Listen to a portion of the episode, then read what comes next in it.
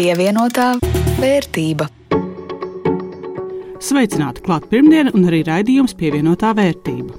Ar jums kopā Jānis Ramāns no Latvijas radio un Rudīts Pakauska no Latvijas televīzijas. Šodien par jauno īres likumu un to, kā tas varētu atdzīvināt izīrēšanas tirgu, ja ne visā Latvijā, tad vismaz Rīgā. Un plašāk par kādu biržu uzņēmumu, kur biznesa arī ir nekustamais īpašums. Bet vispirms, kas aktuāls ekonomikā? Pievienotā vērtība. Lai gan valdība sāk domāt, kā pārtraukt un mazināt pandēmijas laika atbalstu uzņēmējiem, altuma garantijas un aizdevumu komersantiem būs pieejami līdz gada beigām. Valdība pagarināja gan termiņu, gan kopējo aizdevumu summu vienam uzņēmumam no 1 uz pusotru miljonu eiro arī labvēlīgākie atmaksas periodi un, ja nepieciešams, aizdevumu termiņus iespējams pagarināt līdz sešiem gadiem. Altum izsniegto garantiju kopsumu šobrīd 41 miljonus eiro un garantēto kredītu kopapjoms pārsniedz 107 miljonus eiro. Startautiskā kredītreitinga aģentūra Modijas apstiprinājusi Latvijas kredītreitingu A3 līmenī, saglabājot stabilu nākotnes novērtējumu, kas praktiski nozīmē, ka par spīti straujam valsts parādu pieaugumam Latvijas ekonomika tiek vērtēta kā visai noturīga pret pandēmijas sakām, un Modijas ieskatā atgūsies visai strauji. Šogad var par vismaz 3%. Tāda praktiskāka ekonomikas, gan vietēji, gan globāli atgūšanās blakne ir degvielas cenas, kuras turpina palielināties un jau sasniegušas pirms pandēmijas līmeni.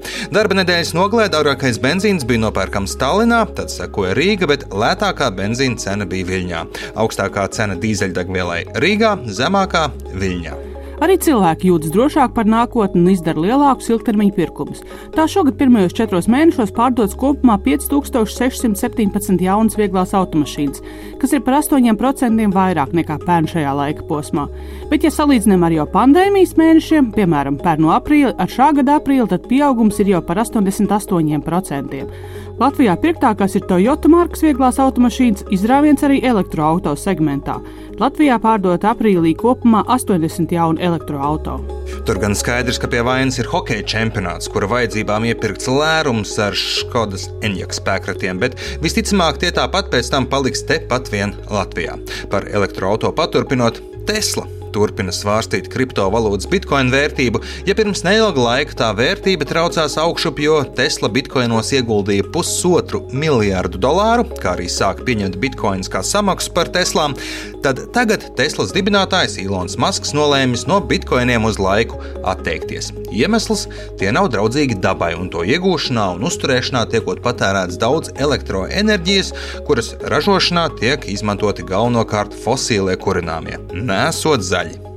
Ak, jā, un gandrīz piemirsu. Pēc vairāk nedēļu galvas lauzīšanas, ko nu darīt ar ekonomikas ministru, kurš nomainīja vienu koalīcijas partiju pret otru, mīļā miera labad premjeras palūdz Vitsenberga kungam demisionēt.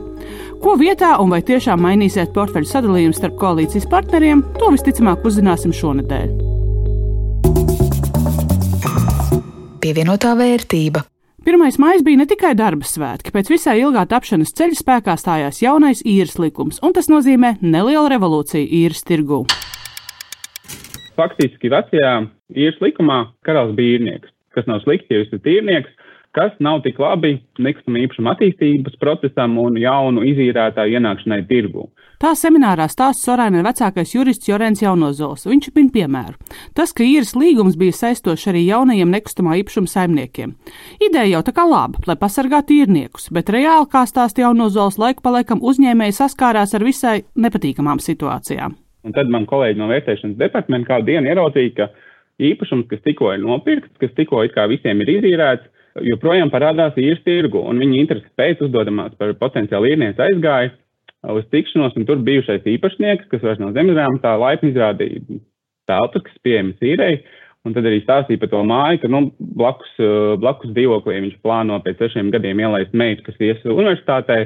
Faktiski tai mājai jau bija attīstības vīzija uz desmit gadiem no personas, kurai tas īpašums vairs nepiederēja, un, un jaunais ieguvējs bija tādā muļķa pozā, kuram tagad jāiet uz tiesu un jāmēģina pierādīt savu taisnību. Šādu iespēju jaunais īres likums vairs nedos, un vēl daudzas, jo daudzas izmaiņas. Piemēram, īres līgumiem jābūt terminētiem, lai īrnieks baudītu pilnu aizsardzību, īres līgums jāreģistrē zemes grāmatā, un bez strīdus kārtībā var piedzīt īres maksu. Te interesants aspekts. Bez strīdus piedziņa attiecas tikai uz īres maksu, nevis, piemēram, komunālajiem pakalpojumiem, un tādēļ iespējams arvien biežāk komunālos maksājumus iekļaus īrē. Pēc ekspertu domām, jaunais īres likums ir sabalansētāks starp iesaistītajām pusēm. Taču nevar teikt, ka likums ir tikai izīrētāja interesēs, jo faktiski īrnieku tiesības lietot telpu un, un īrnieku tiesības paļauties uz noslēgtu īres līgumu nav mazinājušās vienīgi strīdus gadījumā, ja iepriekš visas darbības bija jāveic izīrētājiem. Mīrnieks varēja būt, teiksim, tādā diezgan komfortabla atbildētāja pozīcijā un skatīties, kādas darbības veiks izīrētājs. Tad šajā gadījumā strīdus situācijā īrniekam arī būs jāveic aktīvas darbības, lai savas tiesības aizsargātu. To, vai tiešām īrnieku un izīrētāju intereses ir sabalansētas, parādīs tas, kā likuma piemēros praksē. Bet tas, uz ko cer daudz, ir ledus laikmeta beigas īres tirgu. Turpina Agija Vērdiņa no Kolieres. Rīgā pēc mūsu aprēķina ir aptuveni 175 nedaudz vairāk īres nami, kuros ir vairāk kā 5,5 tūkstoši dzīvokļu, kas tiek piedāvāti tirgū. Tomēr, ja mēs skatāmies, cik no tā ir šī profesionāla sadaļa, tad mēs runājam par nedaudz vairāk kā 30 profesionāliem pārvaldniekiem, kuriem ir nedaudz vairāk kā 2000 šo dzīvokļu. Un, uh, mūsu tirgus ir tik jauns, ka pagājušo gadu mēs varētu saukt par uh, buma gadu, jo tika uzbūvēti veseli divi jauni īres nami. Un pašlaik būvniecībā ir vēl viens īres nams. Un kāpēc buma gads? Tāpēc, ka pa visiem šiem gadiem, pēdējiem sešiem, ir uzbūvēti tikai pieci nami. Latiņa, kas jāsasniedz, lai mēs sāktu runāt par profesionālu īres tirgus atdzīvošanos, nav pārāk augsta. Un esot veseli trīs iemesli, kas vērdiņai liek nākotnē raudzīties optimistiski. Tātad, kur mēs redzam īres tirgus potenciālu kopumā? Šis jaunais īres likums ir daudz draudzīgāks tieši šiem attīstītājiem, un eh, kas noteikti varētu palīdzēt vairāk šo attīstību, jo mēs redzam, ka interesi par šo segmentu ir. Otrs tāds potenciāls ir šie privātpersonām piedarošie īres nami, kur mēs runājam par aptuveni 2600 dzīvokļiem kuri kaut kāda daļa varētu nonākt īres tirgu, kā šie īres nami, kaut kāda daļa varētu nonākt uz pārdošanu. Bet šis ir potenciāls, tās ir ēkas, kas potenciāli var tikt pārvērstas profesionālos īres namos. Un trešais, investori būtu vēlāk ieinteresēti šādus objektus iegādāties. Jo kopumā Eiropā ir pieaugusi investoru interese par alternatīviem nekustamā īpašuma segmentiem, ar alternatīviem domājot kaut ko, kas nav tipiskais tirzniecības centrs, noliktava vai biroja ēka. Tad vien vairāk skatās gan uz šiem pansionātiem, gan uz studentu viesnīcām. Šie divi segmenti mums vēl nav attīstīti. Tad īrsnām ir kā tāds trešais, kur ir kaut kādas opcijas, kur ir iespējas. Tiesa šis pamatā attiecas uz situāciju Rīgā, jo ārpus tās joprojām ir nesakritības starp izmaksām un potenciālo ieguvumu investoram būvniecības izmaksas pret šīm iespējamām īres maksām tomēr īsti neveido biznesa modeli. Tādu, tur biznesa plāns nesanāk tik veiksmīgs. Tas ir viens no iemesliem, arī, kāpēc vispār jauni šie nami mazāk tiek būvēti citās pilsētās. Tas, domāju, arī viens no iemesliem, kāpēc Valmīrā tika pieņemts lēmums, ka pašvaldība pati sāka būvēt šos īres namus. Uh, Tā kā, nu, kamēr šī matemātika varbūt līdz galam nesanāks, vai nebūs nezinu, kaut kāds papildus valsts atbalsts vai kaut kādi citi mehānismi, kas attīstītājiem dod šo iespēju, es domāju, ka mēs tik daudz tos īres namus ārpus Rīgas neredzēsim pievienotā vērtība. Un laiks ieskatīties, kā aizdītā nedēļa pagājusi Baltijas biržā. Rīgā un Viļņā kāpumi attiecīgi pusprocents un pusotrs procents plusā, bet kritums Tallinā. Tur indeksa vērtība samazinājās par 0,62%. Un manā portfelī visus skaistos kopējos plusus nograuž Lietuvas papīra izstrādājuma ražotāja Grigeo akcijas. Tām 23% mīnusā. Par uzņēmumu nedienām ar vidus uzraugiem stāstījām jau kādā raidījumā iepriekš. Bet tāds tas akciju tirgus ir. Vienā mirklī var ieraudzīt, ka gandrīz ceturtā daļa vērtības zudusi. Bet pārējiem uzņēmumiem klājas labi un kopumā portfelim joprojām gan arī 25% plusā. Jā, kā tev iet? Man ir kritumi, ir kāpumi, bet kopumā vidējā temperatūra salīdzinot ar iepriekšējo nedēļu būtiski nav mainījusies. Pie 300 eiro kopš sākotnēji ieguldījām esmu klāt pieplusojis 127 eiro, līdz ar to kopējā portfeļa vērtība 426, un tas nozīmē 42% pieaugums. Biržā kopumā gan tirgotāko uzņēmumu top 3 aizdītajā nedēļā tikai Lietuvas uzņēmumu. Pirmajā vietā Lietuvas energo kompānija Ignitis grupa, otrajā Šauļu banka, bet trešais tirgotākais Grigeo. Un atgriežoties pie nekustamā īpašuma, Igaunijas nekustamo īpašumu attīstības uzņēmums Arko Vara biznesa lauciņš ir mājokļu attīstīšana, un tam šī gada pirmais ceturksnis bija īpaši veiksmīgs. Tiesa, Darbojoties nekustamā īpašuma nozarē, apgrozījums pa gadiem ir tāda svārstīga vienība. Te augšā, te lejā, kā pa amerikāņu kalniņiem, un vai šādas plašas apgrozījuma uzņēmuma veiksmes svārstības ietekmē uzņēmumu pievilcību investoru acīs, to skaidroja Linda Zalāne. Igaunijas uzņēmums Arkovara darbojas nekustamā īpašuma nozarē. Uzņēmums pārdod arī savu zīmolu nekustamā īpašuma aģentūrām Igaunijā, Latvijā un Bulgārijā. Turpina nekustamā īpašuma attīstītāja alianses valdes priekšsēdētājs Mārtiņš Vanaks. Latvijā Arkovara ar īpašumu attīstīšanu nenodarbojas, bet Arkovara ir mātes uzņēmums uzņēmumu Arko Real Estate, kas ir konsultācija uzņēmums, kas pamatā ir aktīvs dzīvokļu tirgūt. Tā ir tā uzņēmuma pamatsaikne ar Latviju.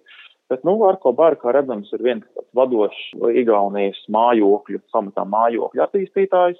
Viņam ir uzņēmums ar pieredzi un, un zināmu statusu tajā industrijā. Mārtiņš Vanaks stāsta, ka lielākoties nekustamā īpašuma attīstītāji darbojas Baltijā un uzsver to kā vienotu tirgu. Protams, pandēmijas radītā krīze nav gājusi secen arī nekustamā īpašuma nozarē, bet specifika ir tāda, ka ietekme ir ļoti neviendabīga un krasi atšķiras pa dažādiem nekustamā īpašuma sektoriem. Piemēram, visnegatīvāk skārti ir tirzniecības centri, tirzniecības platības un biroju platības. Savukārt tādi segmenti kā loģistika, noliktavas ražošana piedzīvo diezgan labus laikus, tas saistīts ar e-komercijas izplatību, un arī dzīvokļu, mājokļu tirgus kopumā ir augstapējoši. Tas nozīmē, ka Harko vara pamata biznesa mājokļa attīstīšana šajā krīzē nav iedragāts. Bet vai šobrīd ir īstais brīdis iegādāties Harko vara akcijas un cik izdevīgs šis uzņēmums ir tā akciju īpašniekiem? Turpina uzkrājuma un ieguldījuma eksperts Kaspars Pēcinieks. Ja akcijas tika iegādātas eh, iepriekšējā piecgadu laikā, tad no jebkura punkta skatoties eh, ieguldījums Arko vara akcijās ir eh, bijis veiksmīgs un peļņa nesošs piecgadu laikā akcijas cena ir pieaugusi par 108%, jeb par 15,7% gadā. Jāatzīmē, ka īpaši strauji kāpums akciju cenā ir tieši pēdējā gada laikā. Ja skatāmies uz iepriekšējā gada finanšu rezultātiem, tad redzam, ka apgrozījumam un citiem finanšu rādītājiem ir tendence ļoti plaši svārstīties. Piemēram, 2018. gadā apgrozījums bija 4 miljoni eiro, savukārt 19. 13, un pirms tam 17. gadā bija 18 miljoni, tā kā viņš diezgan plašā amplitūdā svārstās. Tas, protams, ir saistīts ar uzņēmumu darbības specifiku, jeb nekustamā īpašuma attīstīšanu, jo paiet vairāki gadi, līdz attīstāmais īpašums tiek pārdots, tiek realizēta peļņa, un šie peļņas fiksēšanas brīži ir dažādos gados. Šo tendenci arī spilgti attēlo šī gada pirmais ceturksnis, kur apgrozījums sasniedz 9,1 miljonu eiro, nu, kas ir vairāk nekā puse no visu iepriekšējā gada apgrozījuma, un arī kas ir četras reizes augstāks nekā 2020. gada pirmajā ceturksnī. Un var diezgan droši apgalvot, ka kompānija nekļuva kopumā četras reizes spēcīgāka un labāka viena gada laikā bet gan tieši šī gada pirmajā ceturksnī tika pārdot daudz nekustamie īpašumi. Eksperts teica, ka ir ļoti grūti vērtēt uzņēmuma apgrozījuma kāpuma tendences, bet ar ko vara gadījumā ir jāvērtē arī nākotnes potenciāls, jo tie īpašumi, kas tiek attīstīti šobrīd, tie būs nākotnes rezultāti. Un uzņēmums vērienīgus mājokļu projektu šobrīd attīsta. Piemēram, Igaunijā tas uz 7 hektāru zemes gabalu plāno uzbūvēt vairāk nekā 450 mājas.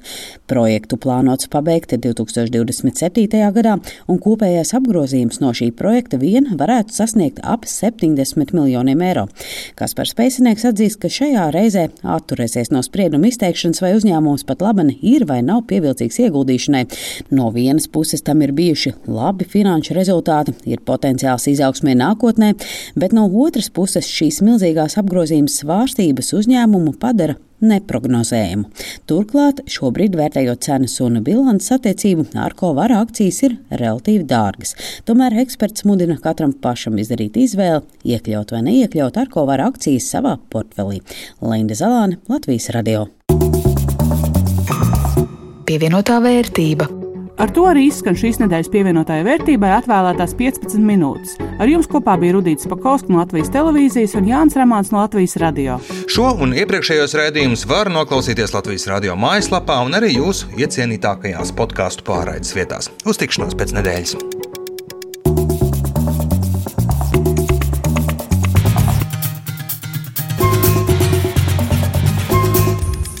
Pievienotā vērtība.